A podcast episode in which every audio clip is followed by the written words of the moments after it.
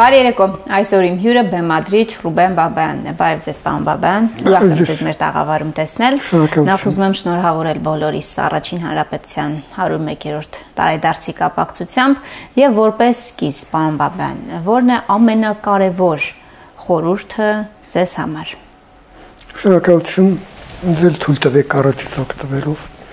շնորհավորել բոլորին։ Ամենակարևոր խորհուրդը անկախ հանրապետություն։ Ամենակարևոր խորհուրդ համար 2 քո առաջնեկը։ Եվ անկախ նրանից թե այդ առաջնեկը ինչ կյանքի ապրել, ինչ ճակատագիր ունեցել, մենք գիտենք ողբերգական, նա մնում է առաջնեկ։ Եվ որին թակուն ամենաշատն են սիրում սովորաբար եւ թակուն եւ ոչ թակուն, բայց սիրում է շատ։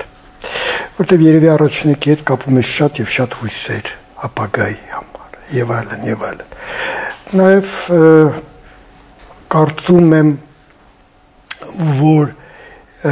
դա ընտանիքում էլ այդպես երկրորդ երեխան ունենալուց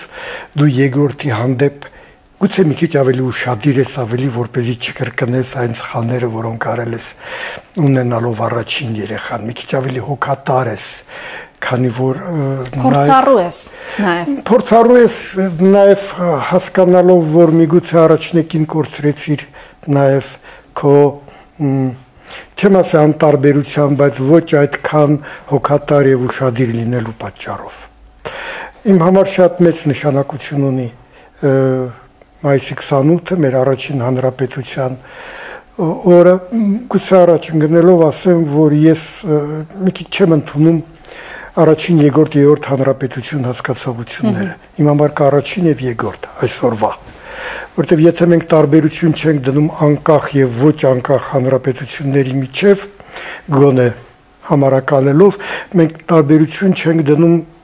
թե ինչ ազատ երկիր անկախ երկիրը եւ ինչն է միգուցե շատ բարեկեցիկ, բայց ոչ ազատ նշանակում է ոչ ինքնուրույն եւ սեփական ճակատագրի համար պատասխանատու երկիր։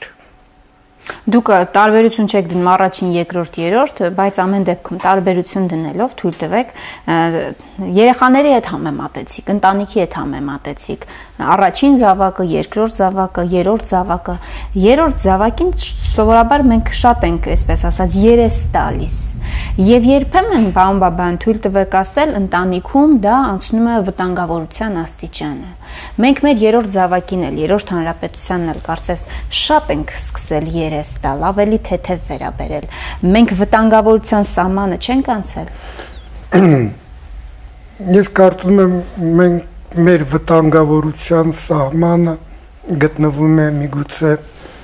հասարակության ընկալման մեջ, թե ինչ է անկախ պետականություն։ Այո։ Եկեք անկեղծ խոսենք եւ գրանցենք, որ առաջին հանրապետության անկախությունը ինչ որտեղ մեզ պարտադրվեց։ Մենք չենք պայքարում ամենայն դեպս ժողովրդական լայն մասաներով, հա, այդ անկախության համար։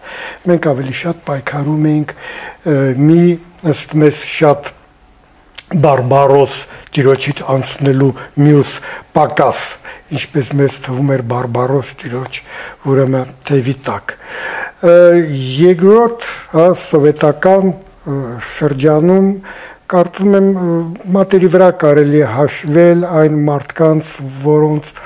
որոնք իսկապես տարվել էին անկախ Հայաստանի գաղափարներով։ Մենք բոլորս գիտենք այդ մարդկանց անունները՝ Ազատիկյան, Պարույր Հարիկյան, Ազատ Արշակյան եւ այլն եւ այլն, կարող ենք շատ անուններ տալ։ Հիմա բայց էլի տեսեք, որ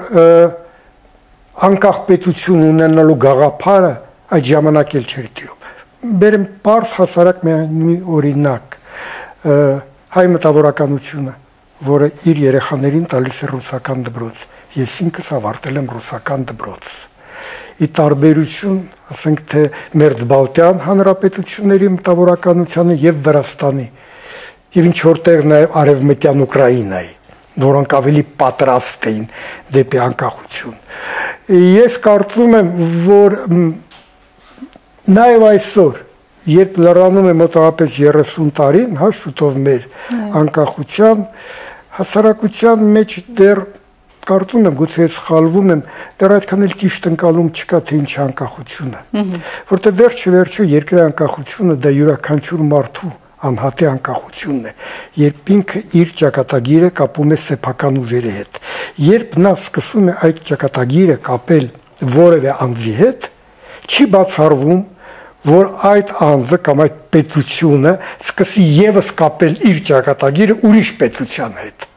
Սա շղթա է, եւ այդ շղթան պետք է կտրվի ամենասկզբում։ Մենք պետք է դառնանք անկախ քաղաքացիների անկախ երկիր որի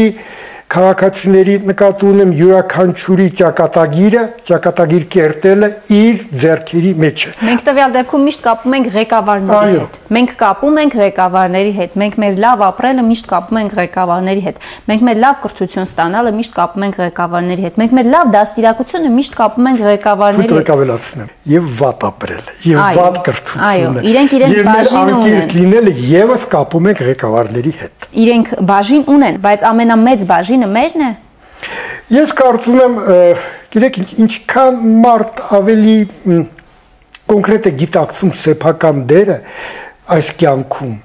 այդքան մեծացնում է անձնական պատասխանատվության բաժինը։ Ինչքան նա նվազեցնում է սեփական դերը, այդքան այդ բաժինը տալիս ուրեմն ղեկավարներին։ Ղեկավարներից շատ բան է կախված կարծում եմ ղեկավարների ամենակարևոր գործառույթը, հա, ինչպես հիմա ընդունված ասել, դա սեփական օրինակն է։ Կյանքի աշխատանքի երկրի հանդեպ վերաբերմունքը։ Որտեվ պարտադրաբար որևէ մեկին որևէ բան չես կարող սովորեցնել կամ պարտադրել կներեք այս տավտոլոգիայի համար օրենքի շրջանակներում հնարավոր չէ, եթե մարդը ինքը չուզենա այդպեսին լինել, բայց դու կարող ես օրինակ ծառայել։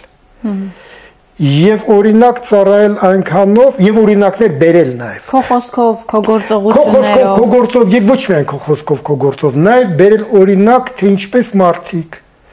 օրինական ճանապարհով, օրինավոր լինելով հասել են որոշակի որոշակի դիրքերի, այսպես ասենք, որ կարքին մարդ լինելը, ազնիվ մարդ լինելը շահեկան է։ Այսա շատ կարևոր է, որտեվ եկեք անկես խոսենք մեր մտածողության մեջ եւ արդարացի նստած է այս չեմ ասի վերջին 30, երևի 100 կամ 200 տարվա պատմություն, նստած է կուրտ ձևով այս գաղափարը, ազնիվ լինելը շահեկան չէ։ Այո։ Շահ չբերող հատկություն է։ Ազնիվ լինելով չես կարող հարստանալ։ Միանշանակ իսկ մթնոլորտի ձևավորման համար ով է պատասխանատու թիվ 1 պատասխանատուն ով է երկրում մթնոլորտի ձևավորման համար այսօր բաժանարար գծեր են եւ Հայաստանի ներսում եւ Հայաստանցի Ղարաբաղցի եւ Սփյուռքահայերի եւ Հայաստանի Հանրապետությունում ապրող մեր քաղաքացիների միջև այդ բաժանարար գծերը ով պետք է վերացնի ով պետք է երկրում սիրո եւ համերաշխության իրական սիրո եւ համերաշխության մտնող ասեմ ասեմ լավ հարց եք տալիս գիտեք ամեն մեկը ունի իր անցնելու ճանապարհը քաղաքական ուժերը ստեղծում են բաժանարար ուժեր բաժանարար գծեր հեշտ կառավարելու համար կարծում եմ այո եւ ընդհանրապես այսպես ավելի Պարզ է, իսկ իրականում պարզունակ է, հա։ Իմն է, իմը չի, ուրիշինն է եւ պարզը։ Իմը չի, այն կողմն է, ուրեմն բոլոր բացասական հատկությունները միանգամից վերագրում են։ Իմն է, այստեղ միայն ուրեմն դրականն է եւ այս параգրաֆը մենք շատ պարզունակ ենք նայում մարդուն։ Անցավ իմ կողմ դարձավ լավը։ Այո, շատ պարզունակ ենք նայում մարդուն։ Չկան իդեալական մարդիկ, չկան սատանաներ եւ չկան հրեշտակներ։ Մարդկանց մենք պետք է գնահատենք ոչ թե ասենց ասեմ որ կողմում է նա գտնվում, այլ ինչ է նա անում։ Բայց սա ինչ վերաբերվում է քաղաքական ուժերից։ Ցավոք սրտի մեր կյանքը շատ է քաղաքականացված։ Մենք ամեն պարագայում փորձում ենք ամեն ինչ չափել քաղաքականության չափանիշներով, որոնք վատ է։ Վատ է, որոնք պարզունակ են շատ մեծ դեր ունի կատարելու մտավորականությունը։ Կամուրջներ կառուցում է մտավորականը։ Միանշանակ Եթե մտավորականը լռում է կամ փորձում է անցնել այս կամ այն ճամբար, նա մեր մեջ ասած դաթարում է մտավորական լինելուց, որտեղ նա իր վրա ի վերուս դրված ամենակարևոր խնդիրը կամուրջներ կառուցել, հանդուրժողականություն կառուցել, ապացուցել, որ աշխարհը բազմագույն է, որ մենք տարբեր ենք եւ դա լավ է, այլ ոչ թե վատ է։ Այսօր կառուցում են այդ կամուրջները։ Ես դժվարանում եմ ասել բոլորի հանդեպ, որտեվ նոր օգտագործեցի այդ տերմինը, հա, մտավորականություն, բայց իհարկե մտավորականություն չի լինում, լինում են առանձին մտավորականներ։ Ես միշտ ասել եմ հիմա կկրկնեմ եւ հավատացեք, որ ասում եմ շատ անկեղծ։ Անկեղծ։ Ես սեփական մեղավորություններ եմ զգում հասարակության այս ագրեսիվ վիճակի համար։ Ուրեմն ես էլ ինչ որտեղ գուցե եւ շատ մեծ տեղ թերի եմ եղել իմ կոչման մեջ։ Իսկ ամենամեծ մեղքի բաժինը վստահաբար ունի իշխանությունը եւ ընդդիմությունը։ Ես կարծում եմ իշխանությունը ունի միշտ ավելի մեծ մեղքի բաժին, որտեղ նա իշխանությունը անկախ նրանից ով է այսօր իշխանությունը։ Մի անգամ առիթ եմ ունեցել ասել բանավեճ էր գնում Թուրքերի հետ մի քանի տարի առաջ Թուրքիայում եւ որպես հակափաստարկ իրենք բերում էին որ հայերն են որոշակի քանակությամբ թուրքերին կոտորել եւ այլն եւ այլն ասի մի գուցե բայց իշխանությունը եղել է թուրքերի ձեռքը եւ եթե նա չի կարողացել պաշտպանել իր քաղաքացիներին անկախ ազգությունից դա իր մեղավորությունն է ավելին ասեմ Երբ մենք ասում ենք իշխանություն, մենք ենթադրում ենք նախ իշխանություն բառը չեմ սիրում անկեղծ ասած, ադմինիստրացիա բառը։ Չասեք կառավարող ուժ։ Չէ, որտեղ համարում եմ իրական իշխանությունը իհարկե մարդը ժողովրդինն է։ Չէ, իշխանությունը մարդունն է, յուրաքանչյուրի։ Ինչ է նշանակում իշխանություն, նշանակում է ուժ։ Ուժը միշտ ավելի հանդուրժող է, որովհետև դա ուժի հատկանիշն է Դասական իմաստով է։ Դասական իմաստով իհարկե ուժը գորգորալու կարիք չունի, ուժը բռունցքը խփելու սեղանին կարիք չունի, որովհետև նա կարող է, որովհետև նա ուժեղ է։ Բայց վստահ եմ դուք այս ամիսների ընթացքում գորգորոցներ լսել եք բազմաթիվ։ Բազմաթիվ ես գորգորոցներ եմ լսել, չեմ կարծում, որ դա ուժի արտահայտչական միջոցն է։ Ինչի արտահայտչամիջոցն է այդ դեպքում։ Ես կարծում եմ, որ երբ է իշխանությունը գոռում, պարոն Բաբան։ Երբ չի հասկանում, որ նա դարել է իշխանություն, երբ մնում է դեռ ընդդիմության կարգավիճակում, այո։ Ես կարծում եմ բացարձակապես դրա կարիք չկա։ Ընդորում դրա կարիք չկա երբեք կներեք ես պարզապես աշխատում եմ տեխնիկային թատրոնում եւ երեխաներ հետ եմ մանկավարժական մի շատ པարզ կա կանոն Շատ հեռու չէ քաղաքական։ Երեխայի վրա չի կարելի գորգորալ։ Երեխայի ուղեղը անջատվում է։ Եվ նա չի լսում։ Նա կարող է վախենալ դեր գորոցից, նա կարող է պարզապես անջատվել հակառակ գործողություններ անել եւ նա մեղավոր չի, որովհետեւ մարդու ուղեղը գորոց չի ընդունում։ Ուղեղը ստեղծված է նորմալ բանական խոսք։ Ինչ անել երեխայի հետ։ Դասիրակել երեխայի հետ նորմալ խոսել եւ ամենակարևորը չվիրավորել եւ համարել, որ նա քո երեխան է առաջինը։ Նա եւս մարդ է բոլոր իրավունքներով եւ նա ապագա քեզ նայողն է։ Պարոն Բաբան, ինչու ամեն դեպքում երկրում չհաստատվեց այն սիրո եւ համերաշխության մթնոլորտը, որը դրոշակ դրոշակ էր դարձել 1 տարի առաջ այս օրերին։ Ինչու մենք այս 1 տարվա ընթացքում բազմաթիվ բաժանարար գծերի ականատես եղանք։ Մենք ականատես եղանք սևերի եւ սպիտակների մենք բազմաթիվ գորգորոցների ականատես եղանք ինչու իսկապես հասարակությունը հասարակության մեջ համերաշխություն տեղի չի ունեցավ ասեմ որ կողմն էր մեղավոր? ես կարծեմ բոլորն են մեղավոր որովհետև շատ հեշտ է մենք մենք ընդհանրապես սովորություն ունենք ասել հա մենք անմեղ ենք մեզնից դուրս բոլոր մեղավորները մեզնից դուրս են այո արդյոք համերաշխության, սիրո խոսքերը նրանք դարձան մի սուարյուն մեր համար թե մենք դա ընդունեցինք որպես տենց ինչ որ լոզունգ հա դա ծիբաո չիներեն ասած եւ առաջարվեցին դրանով. Համերաշխության ու սիրո մտնոլորտին հասնել այդքան հեշտ բան չի հեշտ չի իհարկե եւ դա ներքին process է երբ մենք մենք բոլորս մարդ ենք մենք մենք բոլորս ունենում ենք ագրեսիվ իմպուլսներ բայց մարդ ենք մենք այդքանով ինչքանով կարողանում ենք դա զսպել ինչքանով կարողանում ենք հասկանալ որ մեր ագրեսիան բումերանգի պես կանդրադառնա եւս ագրեսիայով եւ միգուցե պորտկումը զսպելու այդ ուժը, որի մասին ասի շատ կարևոր է, պետք է փորձել դա կիրառել եւ պետք է փորձել իսկապես սիրել, ոչ թե կոչ անել սիրել, այլ իրականում սիրել դա էլ է շատ դժվար։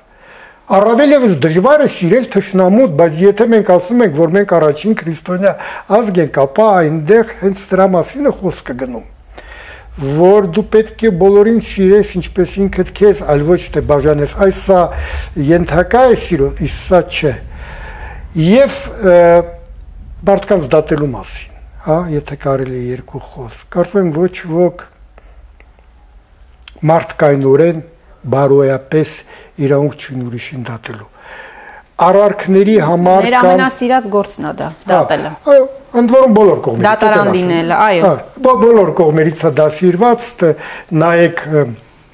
ով է եկել, նայեք ով է գնացել, նայեք ով է պատրաստում վերադառնալ, նայեք ով չի պատրաստում վերադառնալ եւ այլն եւ այլն եւ այլն։ Կոնկրետ գործողությունների համար կա դատա իրավական համակարգ, բայց մարդուն դատել բարոյապես որևէ մեկը իրավունքությունը կարող ես դատել միայն ինքդ քեզ, որտեվ դու անսխալական Դա էլ ամենակիչն ենք սիրում ինքներս դատել դա ընդհանրապես չենք սիրում, որտեղ իրականում դա իհարկե այդքան էլ սիրելու բան չէ, դժվար բան է, բայց բայց դա պարտադիր պայման է, եթե դու ուզում ես մարդ դառնաս։ Հակառակ դեպքում դու մշտապես մանես գալու թշնամիներ։ Այսօր այստեղ, վաղ այնտեղ, վաղը չմիսօր քեզ էլի մատով ցույց կտան որևէ թշնամի, այս ազգը, այս պետությունը, այս հարևանը, այս կուսակցությունը թշնամիներ, թշնամիներ, նրանք դրանք չեն հանգստացնում քո հոգին, նրանք բարություն չեն տալիս։ Վերջին շրջանում թշնամիների այս անverջ անհագուր ցանկությունը գտնել նաև Արցախում, պարոն Բաբայան կրկին սրվել է այդ հայաստանցի Ղարաբաղցի բաժանումը, Դավադիր պատերազմի մասին է խոսք գնում, ինչ որ տարածքներ հանձնելու եւ հերահար փոխհրաձգություն է տեղի ունենում Արցախի եւ Հայաստանի իշխանությունների միջև։ Արդյոք մենք գիտակցում ենք, որ մենք կարող ենք այդ մատնանշածս վտանգավոր գիծը անցնել։ Իրեք ինչ կա, կա Այնքան թեթև ենք սկսել խոսել սրա մասին։ Այնքան թեթև ենք սկսել խոսել արցախցիների մասին, Արցախի մասին, պատերազմի մասին, տարածքներ հանձնելու մասին։ Կենցաղային խոսակցություն է գրեթե դարձել։ Որտեվ ցավոք սրտի կենցաղային խոսակցությունից եկավ։ Ընդհանրապես մենք խառնում ենք երկու բան, հա, կենցաղային խոսակցություն եւ իրական քաղաքականություն։ Ֆրանսիացիներ ու բելգիացիներ իրար չեն սիրում բայց շատ համերաշխ ապրում են երկու երկրներն էլ կենցաղայինը չպիտի դառնա մտածողություն առավել եւս պետական քարոշություն կամ ես ընդհանրապես եւ սա վերաբերում է բոլորին միանշանակ դեմ եմ Արցախը խաղակարդ դարձնելուն չի կարելի որտեվ այս Երևի 90-ական թվականներից սկսած ես միշտ դա տեսնեմ։ Արցախը փորձում են դարձնել խաղակարդ։ Այս սա է փորձում վաճառել, սա է փորձում հանձնել ոչ ոք։ Ոչ այդ փորձը կանի, ոչ էլ այդ փորձ իրեն կթույլատրվի։ Իրականում սա խանգարում է եւ նորմալ բանակցությունների եւ սթափ մտածողությանը եւ ավելին դա էլի թույլ է տալիս մանգալիս մանգալ թշնամիներ, որոնք կարծես թե փորձում են կործանել մեր երկրները, լինի դա Արցախի հանրապետություն, թե Հայաստանի հանրապետություն, ինչի իմ համար նույն Հայաստանն։ Կրկին պետք է հարցնեմ, ով է թիվ 1 պատասխանատուն այդ զգացողության եւ այդ պատասխանատվության, պարոն Բաբյան։ Ես կարծում եմ բոլոր նրանք, ովքեր փորձում են դա դարձնել խաղակարդ։ Եվ այս պարագայում, եթե նախորդ խոսքի մեջ ես ասում եմ, որ իշխանությունը միանշանակ կրում է պատասխանատվություն հասարակության մեջ անհանդուրժողականությունը թույլատրելու եւ սեփական օրինակով դա չվերացնելու համար, այստեղ ես կարծում եմ յուրաքանչյուրը պետք է իր դերը զգա որովհետև այդ հարցում չի կարող լինել միայն մեկ պատասխանատու որովհետև երբ դու եւս իշխանությանը մեղադրում ես որ նա ուզում է վաճառել Արցախը դա նույն հանցագործությունն է բարոյական իմաստով, ինչ երբ մեղադրում են ընդդիմությանը, որ նա փորձում է հրահարել պատերազմը, որպեսզի գա իշխանության։ Ես այստեղ տարբերություն Բայց համարժեք համարժեք մեղքեր են, պարոն Բաբան։ Սուտը համարժեք է։ Անկախ նրանից ումից նա դուրս գալիս։ Շանտաժը չունի քաղաքական հայրենիք, ցենց ասենք եւ այստեղ չի կարող արդարացում լինել դե գիտեք ես ընդդիմության մեջ եմ դրա համար ես կարող եմ ինձ թույլատրել նման բաներ ոչ ընդ որում անկախ նրանից ով է այսօր ընդդիմությունը ոչ ոք դրա իրավունքը չունի եթե խոսքը գնում է բարոյական գնահատականի մասին սրա մասին է խոսքը ով պետք է կանգնի եւ ասի ձայներդ կտրեք եւ տեղներդ նստեք այդպես չեմ սիրում այդ նախադասությունը գիտեք տեղներդ նստեք այնպեսի տպավորություն է, որ ամբողջ հանրապետությունը պետք է տեղները նստի, իսկ տեղ մանգալը մի քիչ դժվար է յուրաքանչյուրի։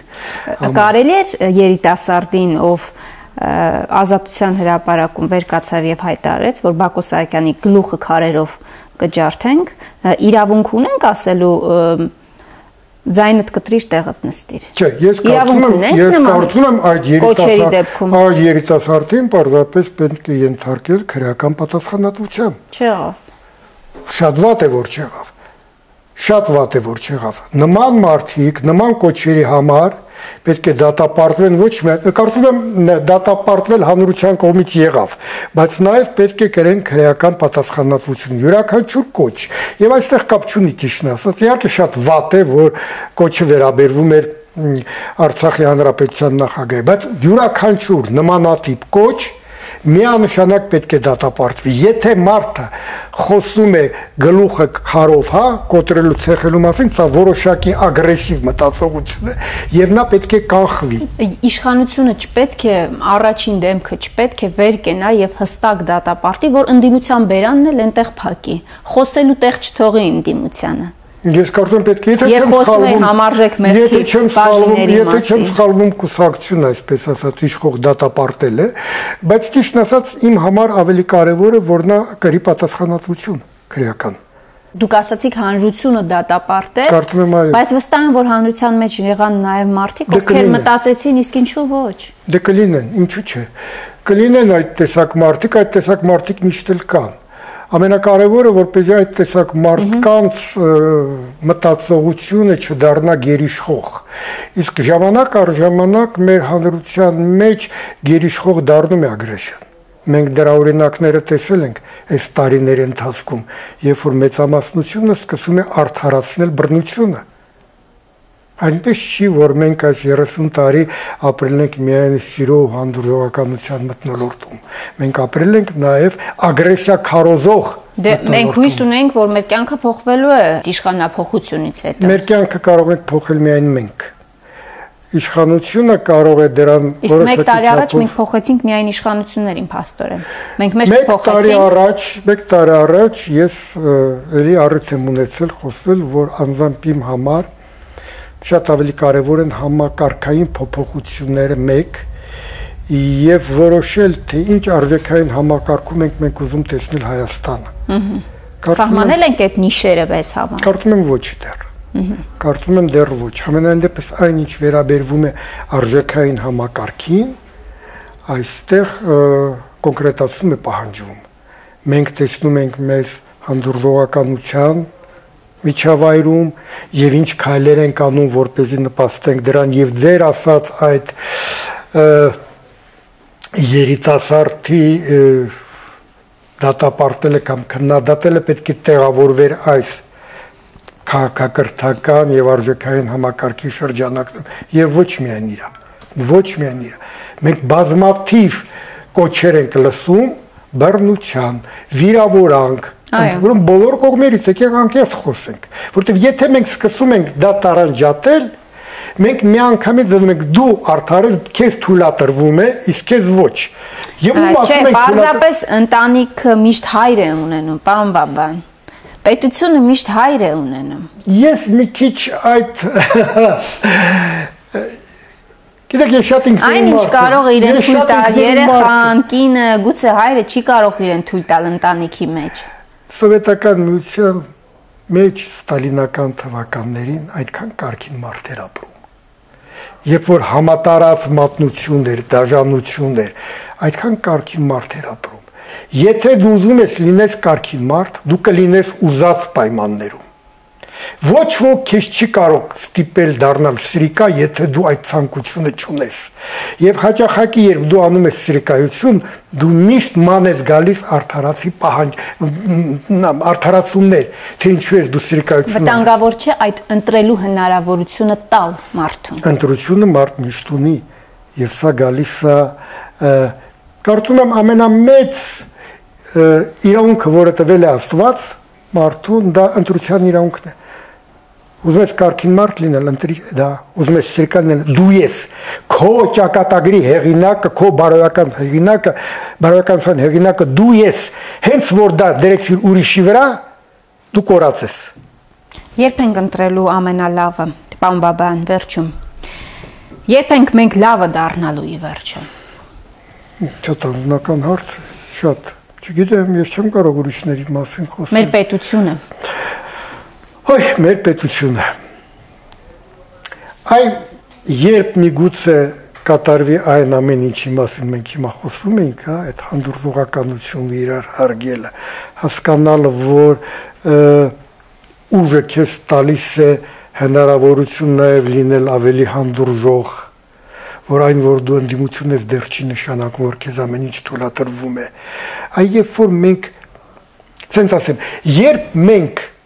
ինքներս մեզ համար սահմանենք բարոյական չափանիշներ մեզ համար, այլ ոչ ուրիշի համար։ Մենք կսկսենք դառնալ լավ։ Մենք այսօր զբաղված ենք դրանով, որ սահմանում ենք այդ բարոյական չափանիշները ուրիշի համար, համարելով, որ մենք իդեալական ենք։ Շնորհակալ եմ, պարոն Բաբան։ Մի քիչ գուցե ոմանց համար բարդ հարցազրույց էր, բայց վստահ եմ խիստ ուսանելի։ Դե մենք էլ դες այդպես պարզունակ մարդիկ չենք էլի։ Շնորհակալ եմ։ Այսօրին հյուրը Ռուբեն Բաբայանն էր։ Ամուր եղեք, հանդիպենք վաղը։